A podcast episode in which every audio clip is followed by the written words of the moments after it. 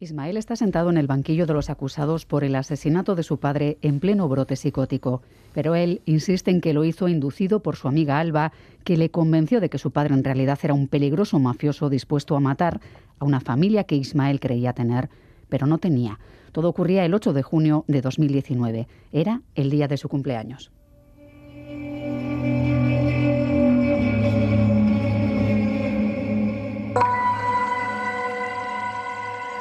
El caso obliga a hacer malabarismos entre lo que pasó y la realidad paralela en la que parecía estar al menos uno de los dos acusados. ¿Es posible manipular a alguien hasta hacerle creer que tiene mujer e hijos y que llegue a matar por ellos?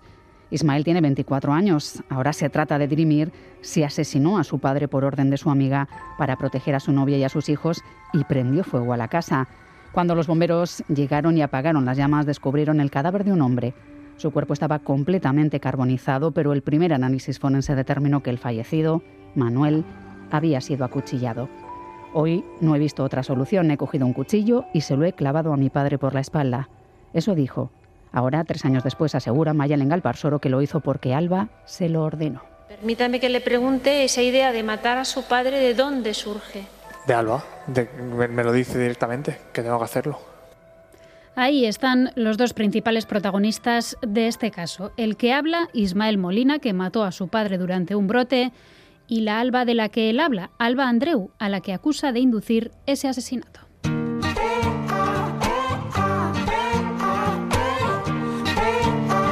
Según él, no quería matar a su padre, pero ella le manipuló. Me dice que se ha convertido en una amenaza muy importante para mi familia, para mí, para Julia, para los niños. Paramos ahí porque hay un matiz importante. Molina habla de Julia y sus hijos, una pareja e hijos que no existen. Alba creó esa novia virtual del que él se enamoró y creyó haber tenido dos hijos, a pesar de no haberse visto nunca físicamente. Seguimos escuchando. Yo intentaba conseguir todo el dinero que podía, incluso em, empecé a buscar trabajo, hice un par de entrevistas, pero no me cogieron. Y a medida que iba avanzando la cosa, la presión cada vez era mayor entonces, cuando me dice que tengo que matar a mi padre, la primera reacción que tengo es, entiendo que me lo pida porque me está diciendo que es un peligro y que realmente, pues si no lo hacemos nos matan a todos, pero yo le dije que, lo hiciese el grupo de, de, los Mossos y que lo hiciese ella si querían, que a mí no me metiesen en eso. Bien, ese grupo de los Mossos de los que habla es un grupo al que supuestamente Alba pertenece y anima a unirse a Molina, previo pago para combatir a los mafiosos, mafiosos como su padre, según le hizo creer ella. Pero posteriormente la cosa avanzó y me dijo, no, no, tienes que ser tú, porque luego, si te arrepientes, has sido tú y no puedes contar nada. ¿Le dijo cómo lo debía de hacer? Estuvimos debatiéndolo durante bastantes días, porque la forma más simple era, para mí era un arma, pero para ella era un cuchillo o el veneno. Bueno, pues tras días de debate, Ismael Molina clavó un cuchillo varias veces en el cuello a su padre cuando vio la oportunidad y después quemó la casa con él dentro.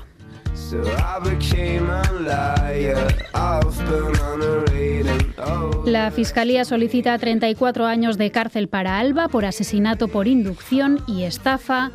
Para él, la libre absolución y el internamiento en un centro psiquiátrico, al considerarse que lo hizo durante un brote psicótico y no era consciente de lo que hacía. Soy Miriam Duque, la encargada de abriros esta Gambara Negra, un podcast de crónica negra en el que hacemos que ciencia, especialistas y pruebas abren más que nosotros para recomponer la actualidad y tratar de entender la mente de quienes se escoran al lado oscuro. De la última hora en los juzgados de este complicado tema se encarga el experto en tribunales de la vanguardia, Tony Muñoz. Eh, Bonanit, Tony, ¿cómo estás? ¿Todo bien. Sí, muy bien, muy bien. Siguiendo este caso que realmente está siendo apasionante. Sí, es un juicio en el que tras un asesinato se están escuchando no ya testimonios diferentes, casi podríamos hablar de realidades paralelas, porque Ismael habría matado para proteger a una familia que nunca existió. No sé cómo ha sido escuchar a Ismael declarar en sala. Pues la verdad es que fue un, testimonio el que prestó Ismael muy chocante, ¿no? Porque lo ves tan sereno, eh, habla sin tapujos, completamente, bueno, como, una persona completamente normal que te va relatando unos hechos que son súper súper fuertes, ¿no? Es decir, él al final, con toda tranquilidad, te está explicando y te va relatando minuciosamente cómo se produjo primero la idea de matar a su padre y luego cómo ejecutó ese crimen, ¿no? Y realmente verlo ahí en la sala, hablando con esa tranquilidad de cómo fue todo, realmente es bueno muy chocante, sinceramente. Mm.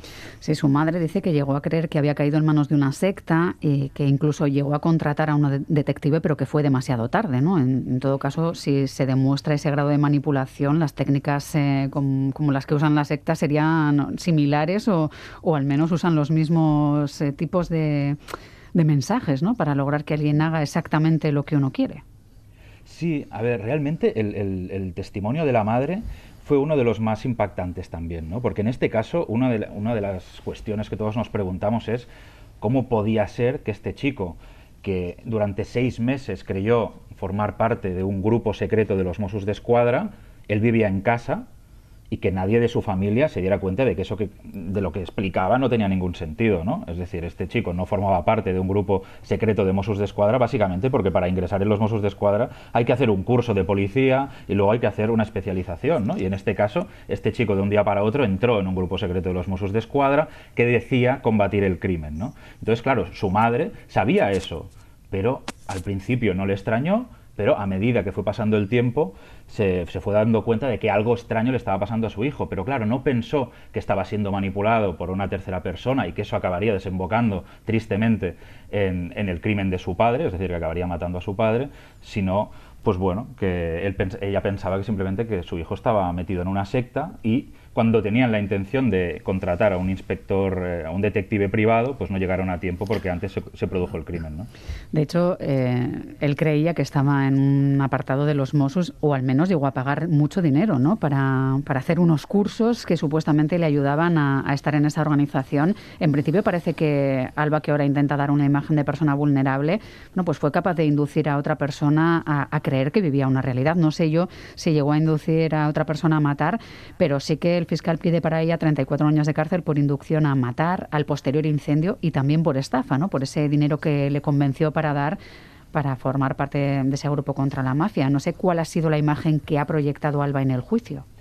Bueno, pues Alba se ha querido mostrar, digamos, como una persona muy vulnerable, ¿no? Una persona que, bueno, incluso ha traído a su familia diciendo que ella es una persona incapaz de, de, pensar todo eso, que es una persona muy justita, que en la escuela no le iban bien los estudios, que su madre llegó a decir pues simplemente que mm, sufría porque por su hija de que algún día no pudiera encontrar un trabajo estable porque era muy bueno porque venía a decir que era muy corta ¿no? que era intelectualmente incapaz y esa es la imagen que quiere proyectar diciendo bueno es que ella es intelectualmente eh, débil y por eso no es capaz de haber ideado y de haber urdido un plan tan rocambolesco como este, ¿no? que al fin y al cabo, eh, para que los oyentes lo entiendan, el, móvil del crimen era manipular a esta persona que era aún más vulnerable que ella, que es Ismael, para intentar apropiarse de todo su, de, todo su dinero y de todo el de su familia. Cuando su familia, digamos, dejó ya de, de darle dinero a través de Ismael, pues es cuando ella cree que va un paso más allá y pide,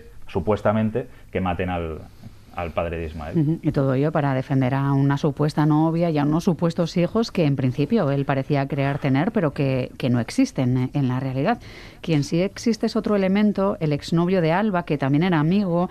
Su descripción de cómo era su relación no sé si ayuda demasiado, porque no describe exactamente a Alba como ella querría, ¿no? Habla de mentiras continuas. Sí, mm, de hecho, claro, una cosa es la, imagen que quiere proyectar Alba y otra cosa es lo que cuenta todo su entorno. Es decir, Alba, eh, al final lo que, lo que cuentan es que es una, era una persona eh, mentirosa compulsiva, ¿no? que ya desde pequeña le gustaba eh, mentir, manipular a la gente, y eso es un poco la imagen que han, explicado de ella y que han detallado pues sus antiguas parejas y también incluso sus amigas que llegaron a decir que, que es eso, que era una mentirosa compulsiva. Ismael y Alba han llegado a cruzarse durante el juicio a cruzar miradas. Miradas no, pero hay que decir una cosa y es que es un primero que es un juicio muy un poco extraño porque ninguno de los dos acusados está en prisión. Entonces, claro, ellos entran y salen a cada receso, eh, también cuando acaba la sesión o incluso cuando están esperando para que arranque la sesión del juicio, están todos allí juntos, ¿no? En, el mismo vestíbulo, ¿no? Y bueno, sí, es inevitable que, crucen miradas, aunque durante el juicio cada uno pues mantiene su, su posición, ¿no? Miran al frente, al jurado o se mantienen cabizbajos Pero bueno. Eh, tensión no ha habido en los pasillos, digamos. De momento no, no ha habido tensión. Sí que es verdad pues que la familia de Ismael está arropando muchísimo a Ismael, están con él eh, bueno, durante el juicio y también durante todos estos recesos, y lo mismo sucede con Alba, que también está siendo arropada por su actual pareja, como también por su, por su madre y por su entorno más, más directo. Ya no queda demasiado, estamos en la recta final de este juicio. ¿Qué voces quedan por escuchar en, en la última semana? Pues mira, básicamente yo creo lo, lo más interesante será los eh, peritos eh, psiquiátricos que nos darán un poco un perfil de cuál es el bueno pues el perfil que tenía Ismael eh, en el momento del crimen, ¿no? porque también una de las grandes cuestiones es cuando se le manifiesta esta esquizofrenia paranoide. Si él, bueno, un poco el fiscal o los investigadores lo que dicen es que él tenía una esquizofrenia latente que se acaba manifestando en el momento en que él teme ya por la vida de su familia y de esta novia virtual que él creía tener y todo eso y que es en ese momento cuando él ya se le manifiesta esta esquizofrenia que él no sabía que tenía. ¿no? Pues este será uno de los apartados interesantes de este juicio y después también yo creo que la defensa lo que intentará también jugar es que Alfa también tenía algún tipo de problema psiquiátrico o psicológico, de hecho intentaron aportar el primer día una prueba que no habían aportado durante, durante estos tres años que ha durado la instrucción, que es también un informe psiquiátrico diciendo pues que Alba también tiene trastorno de la personalidad. Sobre todo, ¿por qué? Pues porque es que Alba hay una cosa que no puede negar, y es que ella se hizo pasar por una novia virtual, que durante seis meses manipuló, digamos, a su mejor amigo, que era Ismael, y todo esto con qué objetivo? Pues como para volverle o hacerle eh, más vulnerable ¿no? y que al final se plegara, digamos, a todos sus designios y todo, que era, bueno, pues básicamente que le fuera dando dinero, ¿no? que le pidiera dinero a sus padres y a través pues, de supuestos cursos de los Mossos acabaran en el bolsillo de Alba Andreu. ¿no? Y esto era un poco pues todo, todo lo que hizo Alba o supuestamente hizo Alba. Bueno, pues la verdad es que estamos ante una etapa apasionante en, este juicio. Agradece mucho, mucho a Tony Muñoz, periodista de La Vanguardia, profesor de la Universidad Oberta de Cataluña y autor de Solo tú me tendrás eh, sobre el crimen de la Guardia Urbana, del que antes o después hablaremos. Le agradecemos mucho que nos haya contado esa última hora y haya sido nuestros ojos en ese juicio. Gracias, Tony, y un abrazo. Un abrazo, muchas gracias a vosotros. Hasta la próxima.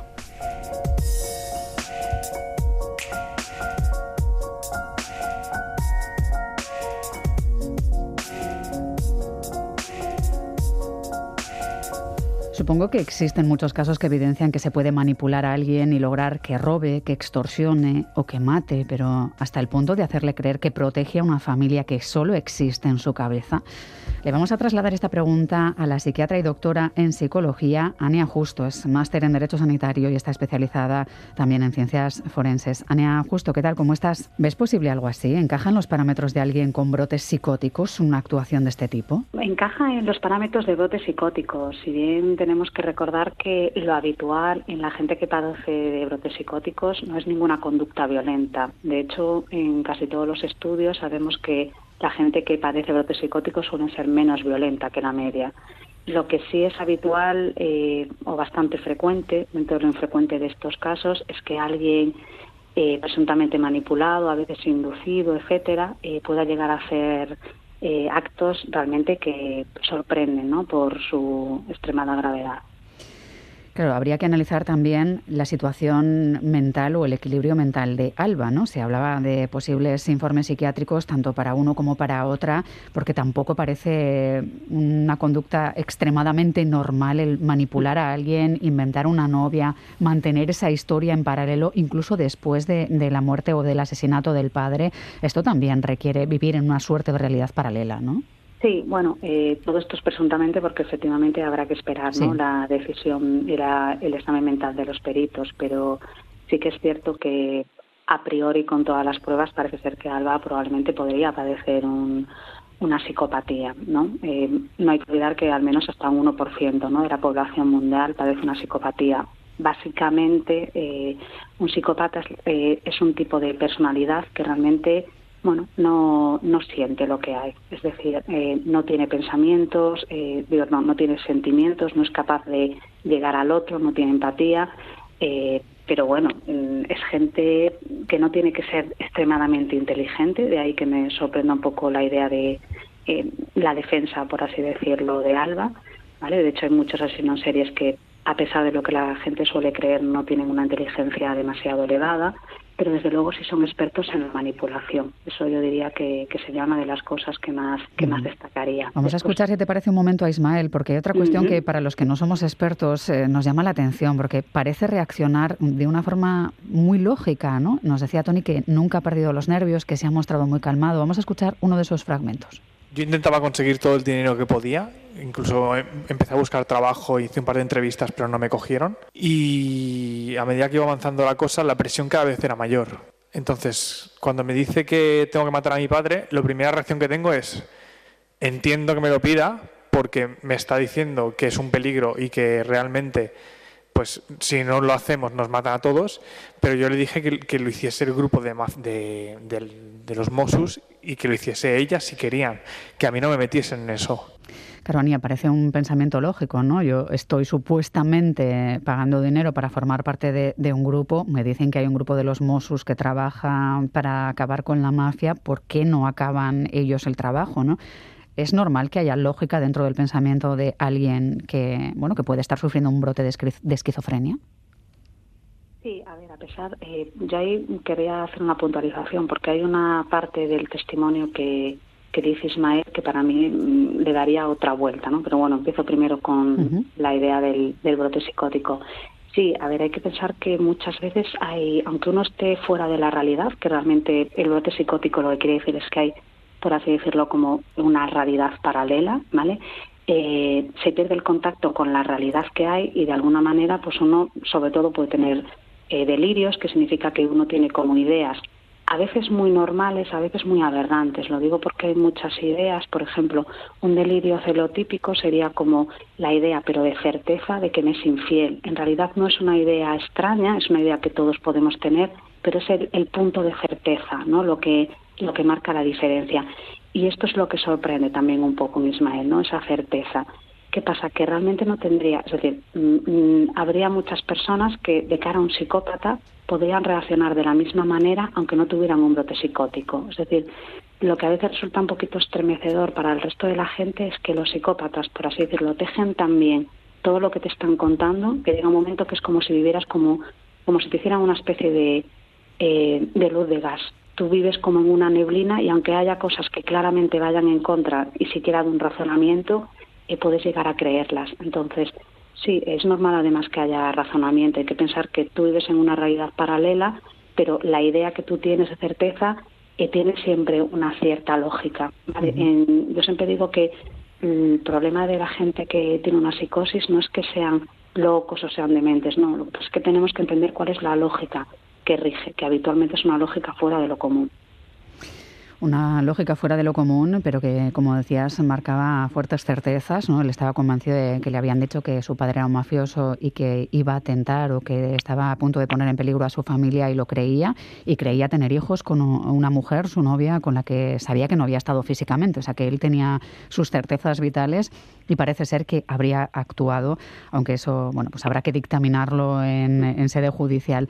Otra cuestión, Ania, que llama la atención es eh, Alba mantuvo el personaje de, la novia incluso después del asesinato. No sé si una puede llegar a engancharse también a ese, no sé si decir suerte de teatro de marionetas virtuales, pero sí que parece que creó una suerte de, teatro, pudo engancharse también a esa realidad ella en cierta manera. Yo creo que a mí como fueron yendo los acontecimientos parece que más que engancharse lo que estaba es controlando lo que estaba pasando, ¿no? Porque la propia Julia eh, habla con la familia, le da las condolencias a la hermana y a la madre. Es decir, control de daños, no, Exactamente. Yo no sé si es tanto engancharse a eso, porque habitualmente hablamos de una psicopatía eh, bueno, básicamente para entenderlos la gente son como medios para tus fines.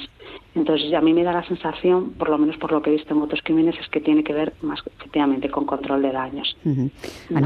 una última pregunta. Eh, describía a su exnovio o su expareja casi como una mentirosa patológica. Gente que tiene un desprecio, entre comillas, por ideas morales, por la distinción entre bien y mal, gente que miente, engaña, gente insensible y sobre todo esta idea eh, que utilizan el encanto, ¿vale? Es decir, la manipulación yo diría que es uno de los síntomas nucleares. Antes de acabar sí que me gustaría dar simplemente un perfil porque me parece es algo que se ve muy pocas veces, pero aquí se ve me parece bastante interesante para la gente que esté, eh, digamos, relacionada o que le interesen los temas psiquiátricos.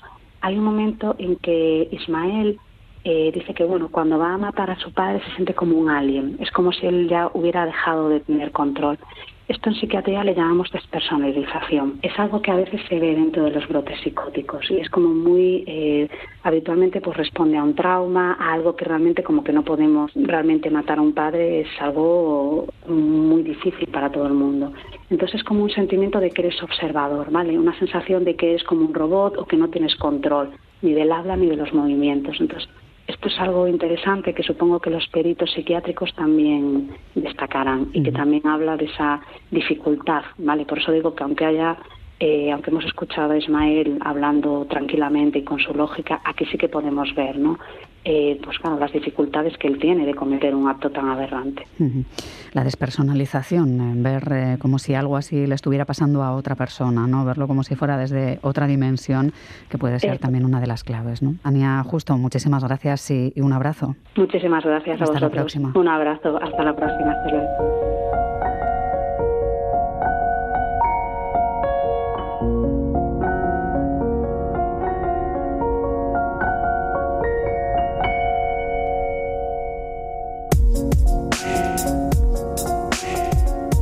Nos acompañan también en esta mesa Iñaki Irusta, ex jefe de la Policía Científica de la Archancha durante décadas. Iñaki, ¿qué tal? ¿Cómo estás? Muy bien.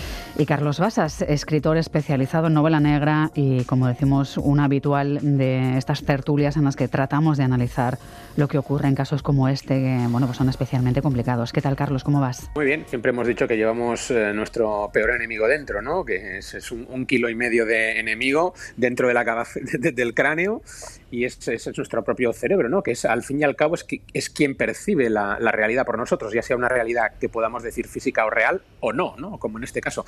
A mí lo que más me ha impresionado, eh, entiendo, como decía Ania, perfectamente que alguien pueda eh, tener un discurso lógico, como en el caso de Ismael. Lo que más me ha impresionado eh, no ha sido lo que dice, sino cómo lo dice. Es decir, la, mm, ausencia o carencia de ningún tipo de eh, sentimiento en la entonación. Es decir, es una mera exposición eh, fría y racional de, los hechos. Y si bien en el momento en el que le piden que cometa el crimen, eh, él sí puede despersonalizar, y eso lo entiendo perfectamente, como hay gente que disocia para olvidar un trauma grave, me sorprende que tiempo después carezca todavía de ningún tipo de emoción al relatar eh, el asesinato de su padre. ¿no? Eh, eso sí que me pone eh, realmente los pelos de punta, más allá de que tenga más o menos lógica su discurso. ¿no? Eso sí pone los pelos de punta.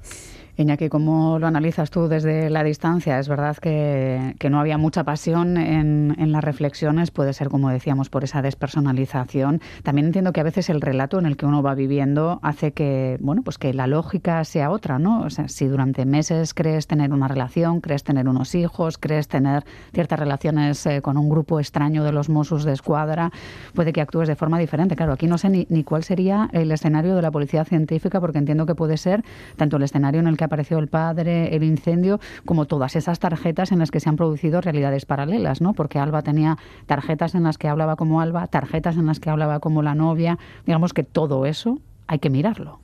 Sí, efectivamente, aquí veo un ejemplo claro de inducción a cometer el hecho por parte, en este caso, de Alba. En este caso, la autoría, como el cooperador ejecutivo necesario o el cooperador mediato, pues son eh, y tienen la misma pena, en este caso, que el autor. ¿no? Eh, al hilo de lo que decías, efectivamente, dentro de un escenario de estos se haría un estudio, eh, al final derivaríamos en una persona única Asimismo, se haría el estudio de, lo que es el escenario donde se han producido los hechos y, como ahí has comentado, pues daríamos que previamente se ha cometido un hecho criminal, con lo cual pues eh, tendríamos que tratar y, estudiar el escenario eh, como una inspección ocular técnico-policial. La verdad es que hay casos de manipulación que pueden llevar a, que otra persona mate, a que alguien se suicide, ¿no? Hubo un tiempo en el que estábamos profundamente preocupados por eh, aquel reto suicida de la ballena azul que se hizo viral en Internet y que causó muertes reales.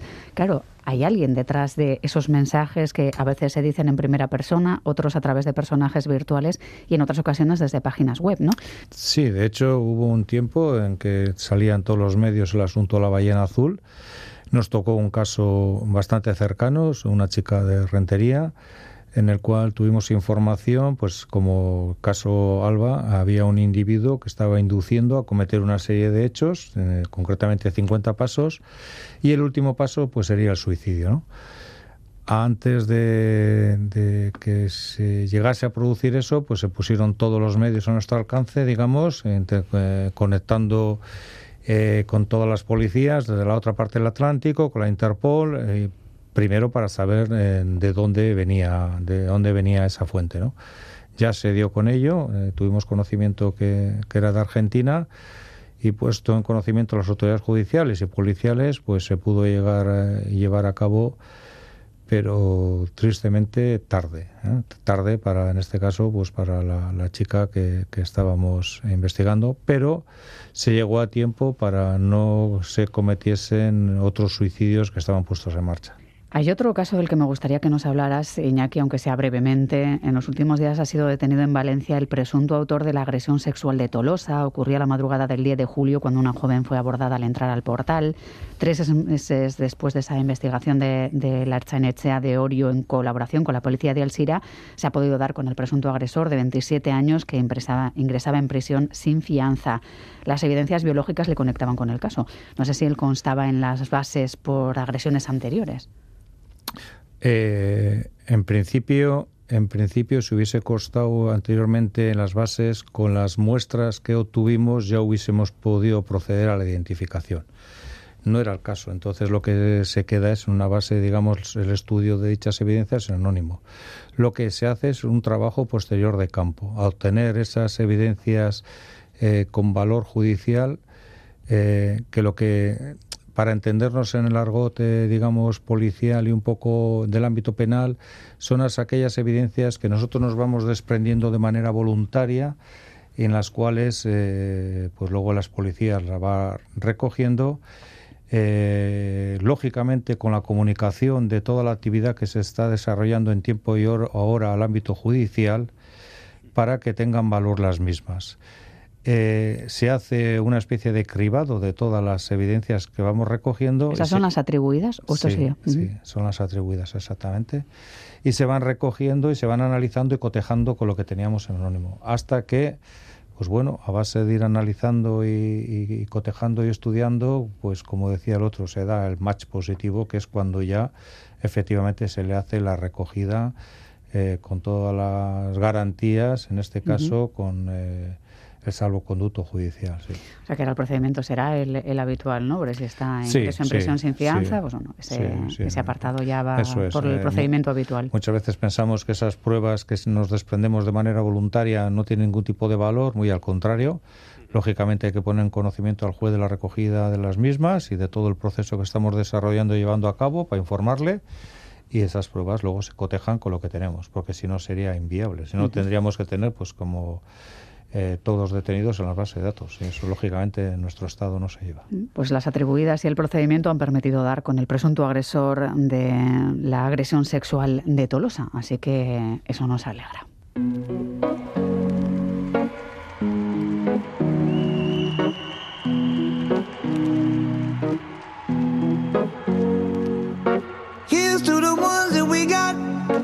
Bien, basado en hechos reales, hablamos de Dahmer, una serie que nos traslada al apartamento y a la miserable vida del conocido como carnicero de Milwaukee.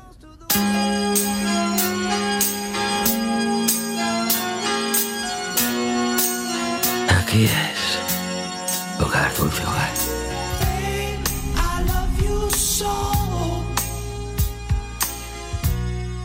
Uh, qué mal huele aquí.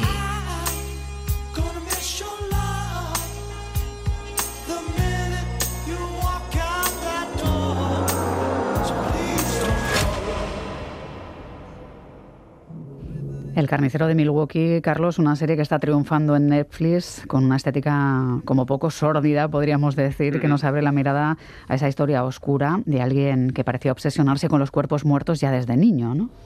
Sí, bueno, estamos hablando de Jeffrey Lionel Dahmer, que, bueno, parece haber vuelto de la tumba para, inquietarnos a, a, través de esta serie de Netflix de 10 episodios que produce e interpreta Evan Peters, que es eh, quien, quien hace de, de, Dahmer, y que la gente reconocerá porque eh, aparte de salir en American Horror Story, eh, era el Quicksilver de los, de los X-Men y la figura de Dahmer, eh, cada cierto tiempo, pasa lo mismo con determinados asesinos en serie norteamericanos, eh, cobra relevancia, ¿no? Eh, reaparece, la gente vuelve a, engancharse a, la sordidez y a lo inquietante de, este tipo que mató a 17 personas, ¿vale? 17 hombres y algunos adolescentes entre el año 78 y, y el año 91, ¿no?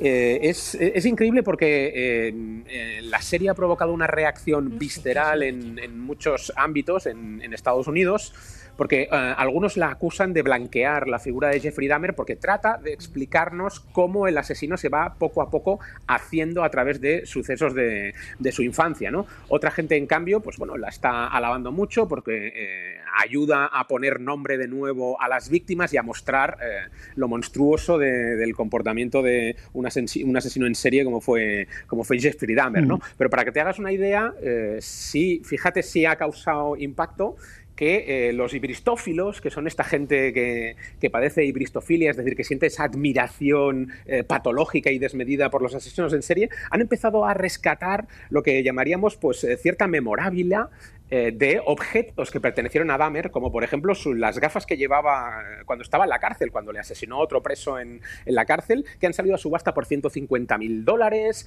también la Biblia que él tenía en, la prisión. Eh, es, es, absolutamente. Ha salido a subasta, pero ¿están comprándolos ya, algunos de ellos? Sí, sí, sí, sí, sí. O sea, la, la, puja, la puja sigue. pasó lo mismo con Manson, pasó lo mismo con Ted Bundy. son, pues bueno, ese tipo de asesinos que crean una especie de eh, pues, admiración extraña hmm. en, un grupo de la, de la población. ¿no? Eh, yo Pero él tiene una imagen que cuesta, ¿eh? Cuesta porque es, muy, muy sórdido, muy sucio, muy... No sé hmm. cómo cuesta mucho imaginarse que alguien sienta admiración por este hombre, ¿eh? cuesta. Sí, la verdad es que sí, por eso es una, patología ¿no? tipificada, que es, como te decía, la ibristofilia, pero eh, efectivamente la serie tiene, eh, tiene un formato visual eh, inquietante, desasosegante, mm, pero refleja muy bien la sordidez de eh, el ambiente en el que vivió el propio Dahmer y la, sordidez de sus propios crímenes. ¿no? no olvidemos que él asesinaba a, hombres con los que bueno, quería tener relaciones sexuales, los desmembraba, eh, aparte de ellos se los comía y al resto o los guardaba en la nevera o lo que hacía era separar la carne de los huesos eh, mediante ácidos y otros procedimientos y guardaba los, los esqueletos. ¿no? Fijaos cómo debía oler su casa, que fue denunciado en, varias ocasiones por su vecina. La policía incluso llegó a estar dentro de ese apartamento. Él se excusó diciendo que se le había estropeado eh, la nevera y que la carne se le había echado a perder. Pero eh, lo más increíble de este caso es que una de sus víctimas, antes de la última, que fue quien precipitó su detención, una de sus víctimas logró escapar llegó a estar en la calle, eh, la vecina llegó a llamar a la policía al ver eh, o intuir que era un chico menor, pero la policía al personarse eh, se encontró con Dahmer que les dijo, no, bueno, es mi novio, hemos bebido mucho, y mm, hizo o permitió que Dahmer volviera a entrar a ese chico de 14 años dentro de su apartamento y lógicamente lo acabó, lo acabó asesinando. ¿no? Hay una serie de, de elementos que si yo construyera una ficción con ellos, eh, serían muy poco verosímiles, pero que mm. sin embargo sucedieron en la realidad. Eran duros los tiempos en, Milwaukee y, bueno, lo refleja muy bien esta serie, Dahmer, que es eh, compleja, pero bueno, desde luego recuerda al carnicero de Milwaukee, a su vida y a cómo fue de niño, que bueno, pues también era inquietante. Carlos Basas, Iñaki Rusta, como siempre, muchísimas gracias. ¿eh? Cuidaos mucho. Muy bien, Hasta luego. Agor.